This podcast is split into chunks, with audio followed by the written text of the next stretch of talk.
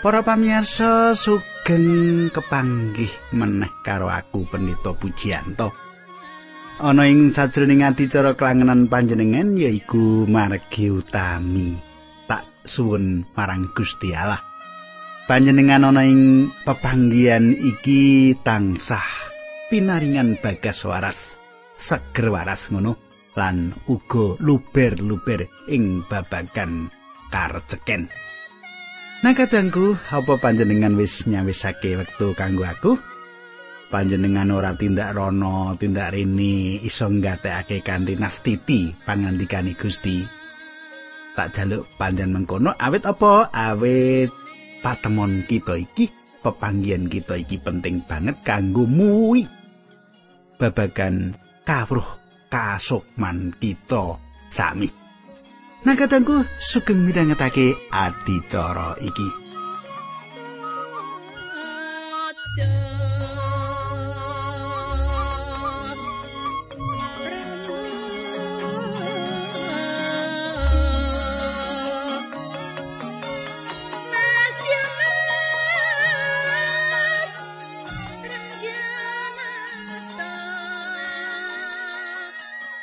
Katangku kang ndak tresnani, Giaran kepungkur kita wis nyinau yen Allah mbedakake kanthi gamblang apa sing karam lan apa sing halal. Kasucen iku bab sing utama sing kudu tansah ditindakake dening umate ing sabarang kalir. Banjuring pasar rolas iki apa sing dikersakake Allah marang para umate? Panjenengan tak derekake sinau bebarengan ing wanci iki. Nanging sadurunge kuwi aku matur karo panjenengan nembe wae aku itu layang saka salah sawijining majelis kandungake menawa gerejane wis pecah dadi loro. Ana sing kelompok seneng karo Pak Pendeta, ana sing kelompok ora seneng karo Pak Pendeta. Wah, kadangku ngono kuwi ora becik, ora dadi kesaksian sing apik ya. Moyo dirampungke api kepiye wong padha-padha wong percaya wae kok. Ya lho ora perlu ngono-ngono. Kuwi sing digoleki iki apa ning jagat iki ya? Sing penting kan luhurake Gusti Allah. Tak jaluk panjenengan aja dadi tukang mecah gereja luwih becik panjenengan kendel. Wis stop kersane Gusti Allah sing makarya. Wong tujuan kita iki ya kuwi kanggo nerangake babagan dalan kasuwargan marang sapa wae kok malah jenengi sumbering katentreman kok malah pecah iki piye? Ayo kita dongake bebarengan.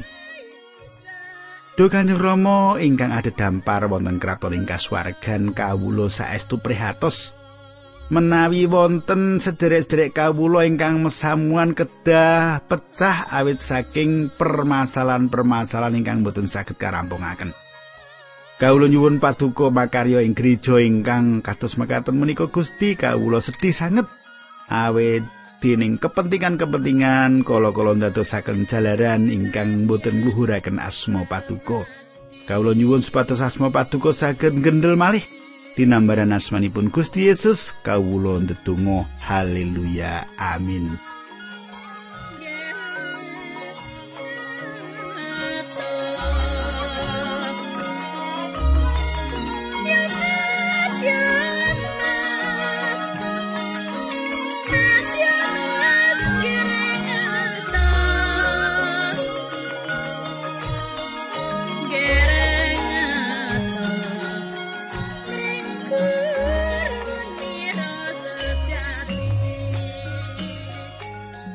Sumitraku kang ndak tresnani kita wis ngancik kaimaman bab rolas utawa kaimaman pasar rolas. Ing pasal kempukur wis padha kita ngerteni bab dosa sing wis ditindakake. Faktor eksternal dosa sing kasat mripat. Ing pasal iki bakal ngunceki jerohane dosa sing asipat ora kasat mripat. Kita pancen dosa sing digawa wiwit lair mula. Pasal iki nggambarake hukum iku kaya dene biyung ngrasuke dosa marang manungsa jalaran warasane sifat-sifat dosa. Raja Daud nulis mengkini ing Mazmur 51 ayat pitu. Wiwit lair mila kawula sampun awon, wiwit wonten ing wetenging biyung kawula, kawula sampun nandang dosa. Kadangku Allah Gusti kita iku tabib agung sing perso lan bisa makarya ing samubarang ing jagat iki. Manungsa sing ora kenal marang panjenengani padha nyenengi takayul lan nganggep yen wanita sing lagi nglairake iku dianggep najis. Padha ora duwe kesanggupan mikirake samubarang saka pandeleng saka sudut pandang iman. Manungsa sing durung kenal marang Allah uga nganggep wanita iku ora padha karo priya. Wong wadon kahanane luwih ndek derajate luwih asor ketimbang karo wong lanang. Ing pasal iki utawa ing hukume Musa ora tau mbedakake antarane priya lan wanita. Ing hukume Musa malah banget nggone ngajeni wong wadon. ngregani wong wadon, menghargai wong wadon. Uga banget ngajeni marang para wanita sing legawa padha sumedya dadi ibu, dadi biyung. Kahanan sing apik sadurunge nata panguripane bangsa Israel asring memungsuhan karo para bangsa sing durung kenal marang Allah. Ing sajrone panggula mentai Allah ing babagan hukum lan kuwarasane ngandhut kabecikan pangerten lan bab kepriye urip sing sehat. Allah banget mrihatinake umate secara lahiriah nanging uga secara kasukman utawa rohani nyadarake kita yen kita dilahirake saka dosa Coba panjenengan semak Rom 5 ayat rolas. Mlebune dosa ana ing donya kuwi jalaran saka wong siji. Lan dosane wong siji mau nekakake pati. Pati mau nuli njrambai sakaing manungsa sebab saben manungsa wis nglakoni gawe dosa. Kadangku kahanan saiki nyoba nggambarake bab prasaja kasetyan lan kayekten sing digambarake sawijining biyung sing isih nom sing gendong anake sing manis-manis lan imut-imut sing lagi digendong lan digekep kanthi katresna. Ing ayat iki Allah nggambarake kahanan iki beda karo ing ngarep mau. Gambarane uga sawijining ibu. Nanging anak sing digendong mau mung anak sing arupa simbol wae. Karo maneh anak sing rupa simbol mau ngandhut dosa. Kenapa kaya ngono? Bapa lan biyunge uga padha-padha wong dosa. Mula anak kuwi ketularan dosa. Mula secara keturunan ngono anak kuwi ketularan dosa wong tuane mau. Ing purwaning dumadi nyebutake ngene, purwaning dumadi telu ayat 16. Gusti Allah nuli ngendika marang wong wadon, aku bakal muwuhi rekasamu sajrone kowe ngandhek, nglarani lan nglairake anak. Ewedene kowe bakal tansah kepencut marang bojomu, mongko wong kuwi bakal nguasani kowe. Kadangku sing ngalami sengsara ora mung wanita nalika nglairake anak ing bumi. Lan bisa uga anak mau ora dadi kasukane jaga jalaran anak iki uga ing kahanan dosa. Mula agegandingan karo kahanane wanita mau Rasul Paulus nulis ngene, nulis mengkene ing siji Timotius loro ayat 12. Aku ora nayogiani wong wadon memulang utawa nguasani wong lanang. Wong wadon kudu anteng kadangku. Rasul Paulus lagi ngandhakake bab kahanane para pemimpin sing padha mulang buruk ing gereja. Ana alasan loro sing dibeberake sing sepisan jalaran Adam sing dicipta aluwih dhisik ketimbang Hawa. Nanging sing diapusi sula lah kok Hawa sing dicipta sawise Adam Ing layange Paulus nulis ngene, siji Timotius loro ayat 13 lan 14. Sebab sing dititahake dhisik Adam banjur lagi kowo lan iya dudu Adam sing kagodha nanging wong wadon sing kena ing kudha lan rak angger-anggere Gusti Allah. Sumitraku bab iki ora mulangake yen lanang iku ala-ala menang. Tumrap kaum kowo iki kegandingan karo bab kepemimpinan lan wewenangi. Sing kapindho, wanita sing sepisanan nerak wewaleri Allah dheweke sing dadi kawitane utawa mimpin kanggo nindakake panerak utawa pelanggaran. Yen para biyung kelaran nggone nglairake iku sawijining bukti bab paukumane Allah. Nanging sumitraku, iki ora ateges yen biyung mau kelangan kawilujengane nalika nglairake anake sing ngandhut dosa. Jalaran ing siji Timotius loro ayat 15. Ewa dene wong wadon bakal kaslametake merga saka enggone anak-anak anger wong mau lestari enggone ngantepi percayane katresnane lan kasucene kelawan andhap asor. Biyong ora dislametake jalaran enggone nglairake anake. Kanthi tembung liya, si biyong si ibu ora bakal dadi najis sawise nglairake lan ora kelangan kawilujengane jalaran nglairake. Bukti kawilujengane ana ing imane, katresnane, kasucene urip kang kasarehan. Najis miturut hukum Taurat jalaran nglairake anak sing dosa. Senajan kanthi rekoso, si biung wis keparingan sih rahmat kanggo nglairake wong dosa, sing ing temene bakal dadi wong sing diwilujengake dening Allah. Rasul Paulus tau kondo marang pemimpin pakunjaran ing Filipi mengkene. Para Rasul 16 ayat 31. Wangsulane Rasul Paulus lan Silas pitadosa dhateng Gusti Yesus, panjenengan mesti badhe wilujeng inggih panjenengan inggih brayat panjenengan. Kadangku Rasul Paulus ora ngandhake yen jalaran pemimpin pakunjaran mau pracaya keluargane banjur dislametake. Keluarga panjenengan uga ora bakal dislametake jalaran panjenengan pracaya marang Gusti Yesus. Ing kalangane keluarga Kristen akeh sing duweni panemu yen anak sing diparingake Gusti iku anak sing nyenengake wong tuwa, nyenengake kabeh wong jalaran dadi bocah sing manis-manis. Nanging apa nyatane tanpa tanggung jawab kita nuntun menyang ngarsane Gusti Yesus bakal tetep dadi bocah-bocah sing gendong pakarti dosa.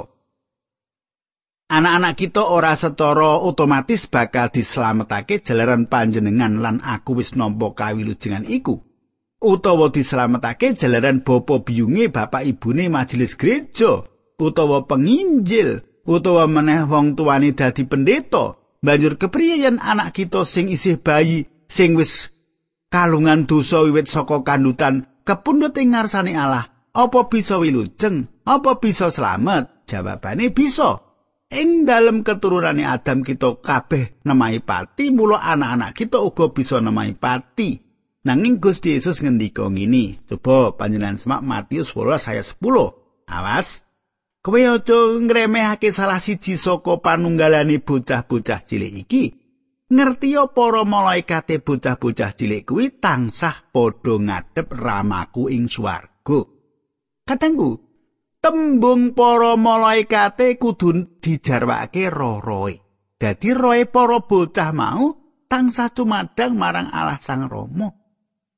Kadi mengkono saben bocah cilik, saben bayi sing mati roe banjur sumengko sowan marang Sang Rama. Gusti Yesus sing sedo ing kayu salib. Uga sedo kanggo bocah-bocah iku senadan durung bisa nglairake kapercayane marang wong liya. Ana tulisan arupa geguritan sing ditulis dening Robert Robertson ing kijing batu nisan pesariane anake papat sing wis padha ketimbalan mengkini nir ing kasetyan sing disalut kekendelan sirna dadi putih memplak lan mati.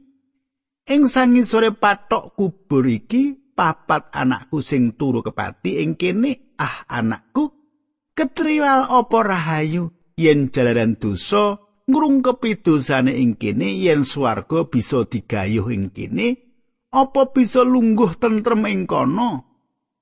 Hmm rebah kasulayah tali-tali ing sucining sabda wis kawedhar. Matine jalaran bapa Adam nuli padha gumregah tangi. Kristus wis sedo kanggo aku lan kowe. Saiki panjenengan tak dherekake nyemak kaimaman bab rolas ayat siji lan loro. Gusti Allah maringake pernatan marang Musa kanggo bangsa Israel mengkini yen ana wong wadon duwe anak mongko metu lanang wong kuwi najis padha karo yen garap sari lawase pitung dino katangku kenajisane biyung ibu di perang dadi rong perangan perangan sing sepisanan pitung dino yen biyung najis jalaran lairake bocah dosa Hawa ngreita yen kanthi kandutane ing tembe bakal miyosake juru wilujeng. Iki nalika nglairake kain. Mongko kain uga wong dosa, malah dadi wong sing nglakoni rajapati sepisanan ing bumi. Mula iki pengetan kanggo para biyung yen sing dilairake iku padha karo sing dilairake dening Hawa. Bayi sing ngandhut dosa najise si biyung di para loro sing sepisan pitung dina sing wiwitan. Kenajisan sing dipikirake ada dasar kitab suci, beda karo apa sing digages kanthi panemu populer ngenani dadi biyunge si jabang bayi. Kita kudu sadar yen kabeh bayi sing dilairake iku kedadian bayi sing wis nggawa dosa. bayi-bayi iki bisa dadi manungsa sing ora duweni disiplin. Bisa ketularan moral utawa kabudayan ing jaman iki. Kabudayan iki bisa nggawa dosa kanthi bungkus sing anyar. Beda bungkuse nanging padha isine mula kanggo ngawekani merantasi kahanan iku anak-anak kita kudu diisi kanthi piwulangi kitab suci.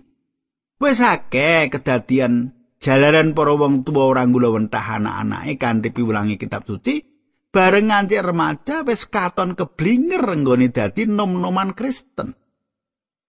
Kaimamane rolas ayat telu lan papat ing dina kaping wolune bayi mau kudu ditetaki. Sabubare duwe anak wong mau dianggep najis lawase telung puluh telu dina merga ngetokake getih. Sawise mampet enggone ngetokake getih wong wadon mau lagi dadi resik. Sadurunge resik ora kena ngepok barang sing kanggo ing pangibadah lan ora kena mlebu ing kemah suci. Umur wolong dina bayi lanang kudu ditetaki. Tetak sawijining tondo sing diparingake Allah marang Bapa Abraham. Bayi Israel lanang sing lair ora banjur klebu dadi warga perjanjian Allah. sadurunge disunat dhisik. Saben anak Israel mesti kasebut dadi anake bapa Adam lan lair ing sanjabane prajanjiane Allah. Iki sing dikarepake Rasul Paulus ing serat Rom. Rom songo, Rom bab songo ayat 6 lan pitu tak wacake ya. Aku ora kondo yen perjanjiane Gusti Allah kuwi batal mergo ora saben umat Israel kapilih dening Gusti Allah. Semenuka ora kabeh tedhak turune Roma Abraham kaangkat dadi para putrane Gusti Allah. Gusti Allah ngendika marang Abraham, sing bakal kasebut turunmu kuwi mung turune Iska. Kadangku panjenengan pirsa yen kabeh kelairane manungsa kanthi alami, ora nggawa manungsa banjur duweni sesambungan karo Allah ngono wae. Kelairan mau tetep misahake manungsa mau karo Allah. Allah ora duweni kewajiban kudu ngrengkuh manungsa dadi keluargane jalaran Allah ora kagungan utang apa-apa marang manungsa. Bagian sing kapindho bab kenasisane si biyung 35 dina sawise wektu ing sapisanan mau. Dadi wektu kenajisane udakara 40 dina lawase. Iki mujudake bukti yen upal cara tetakan nganti 30 dina candhake kaya dene wektu kanggo si biyung iki suci utawa resik. Iki cara sing diagem dening Allah ing perjanjian lawas. Gusti Yesus ngendika mengkini Matius 19 ayat 14. Mulane Gusti Yesus ngendika marang para murid-e karpen bocah-bocah kuwi padha mrene. Aja kok alang-alangi sebab wong-wong sing kaya bocah iki sing dadi kawula ing kratoning Allah. Kadangku tetakan kanggone bocah lanang nglambangake ngresiki dosa saka biyunge, saka ibuke. Iki ateges uga nampani wong wadon mau dadi biyunge. Biyunge uga dielingake yen nggone resik utawa suci isih merlokake wektu 32 dina meneh. pancen narik kawigaten yen Gusti Yesus ditetaki ing yuswa wolung dina ing Injil Lukas loro ayat selikur nganti telu likur yen Gusti Yesus banjur digendong menyang bait suci. Sing nalika iku dianggep dina kamurnening Maria ibune Gusti Yesus miturut hukum Musa. Maria utawa Maryam uga biyung si dosa senadyan wis miyosake juru wilujenging jagat iki ruwating dosa kanthi nampa Yesus Kristus sang juru wilujeng. Kadangku secara pribadi kaya panjenengan lan aku. Gusti Yesus ditelaki kanggo njangkepi hukum Musa. Sebab apa? Sebab panjenengane rawuh ora ngilangake hukum Taurat nanging malah njangkepi, ngelaksanani. Gusti Yesus kawiyosake ing tengah aturane hukum Taurat. Kanthi mengkono, Gusti Yesus wis jangkep enggone nindakake kamanungsane ing tengahe uripe menungso. Saiki kaimaman rola ayat 5 yen bayine wadon wong kuwi najis kaya yen lagi ngarap sari lawase 14 dina sawise bayen wong wadon mau dianggep najis lawase swidak dina merga ngetokake getih sawise kuwi lagi dianggep resik. Kadangku diperlake wektu kaping pindho yen nglairake anak wadon. lipet kaping pindho. Yen nglairake anak wadon kanggo resike si biyung sawise bayen. Bisa uga jalaran anak lanang kanthi tetakan sing dianggep dadi jalaran wektu kasucene biyung luwih cendak seramate Allah mbukake dina anyar marang kita. Coba panjenengan semak Galatia telu ayat 17 Kowe kabeh wis padha kabaptis dikumpulake ana ing patunggilane mau lan srana mengkono kowe ngrasuk sifat-sipate Sang Kristus piyambak. Dadi saiki wis ora ana bedane antarane wong Yahudi lan wong kafir, antarane batur tukon lan wong mertika, antarane wong lanang lan wong wadon. Ana ing patunggilane Sang Kristus kabeh dadi siji. Ayat 29 Galatia telu. Menawa kowe dadi kagungane Sang Kristus, kowe uga dadi turune Rama Abraham lan menang nampani apa sing dijanjake dening Gusti Allah marang Rama Abraham mau. Kaimaman rola sayat 6 yen upacara pasucene wis rampung dadi anake lanang utawa wadon, wong wadon mau kudu saos pisungsung marang imam ing lawange kemah palenggahane Allah. Pisungsung mau rupa cempe umur setahun kanggo kurban hubungan lan manuk dara utawa manuk deruk siji kanggo kurban pangruwating dosa. Ayat pitu nganti wolu kaimaman bab rolas mengkini surasane. Imam kudu nyaosake bisungso kuwi marang Allah lan nindakake upacara pambirating najise wong wadon mau supaya dadi resik manut pernataning agama mengkono sing kudu ditindakake dening wong wadon sawise duwe anak. Yen wong wadon mau ora duwe ragat kanggo nganakake tempe kudu nggawa manuk dara utawa manuk drekuku loro sing siji kanggo kurban hubungan sijine kanggo kurban pangruwating dosa imam kudu nindakake upacara pambirating najise wong wadon mau supaya dadi resik Katangku si biyo nggawa korban obaran lan korban pangruwating dosa ing ngarsane Allah. Lan imam sing ngarep ngaturake kurbani. Para biyung ora diwilujengake, jalaran nggone padha nglairake, nanging kudu netepi sekabehing kewajibane yaiku caos kurban. Si biyong kudu nampa pangorbanane Gusti Yesus kanggo pribadine, nuli lagi ngulawentah anak-anake sing kapetung dosa dituntun kanggo pracaya marang Kristus. Kabeh keluargane Kristen kudu nindakake cara iki. Nalika Gusti Yesus miyos kadangku keluargane caos kurban, manuk bangsane perkutut jaran klebu wong melarat. Maryam kudu caos kurban. Jalaran apa? Jalaran dheweke wong dosa. Maryam caos kurban marang Allah. Nanging ora kagem Gusti Yesus utawa dening Gusti Yesus. Gusti Yesus ora kagungan dosa. Gusti Yesus minangka kurban kanggo donya sing nandang dosa. Gusti Yesus iku cempene Allah sing ngrembat ngruwat dosaning jagat. Tak pikir panjenengan perso babakan iki nek ngantek ora ngerti yo kebangetan wong jenengan wis dadi wong percaya ya kita beleni wae Pak Pendito panjenengan mestine wis mulangake babagan iki ya tak terus ki kita urip ing jaman sing bobrok jalaran donya nyingkur saka ngersani Allah. Dosa ditindakake manungsa ing ngendi papan. Mula kabeh merlokake sih rahmate Allah. Ya ing pribadine Sang Kristus juru wilujeng kita bisa ngalami urip sing kebak kebahagiaan lan tentrem rahayu ing tembene.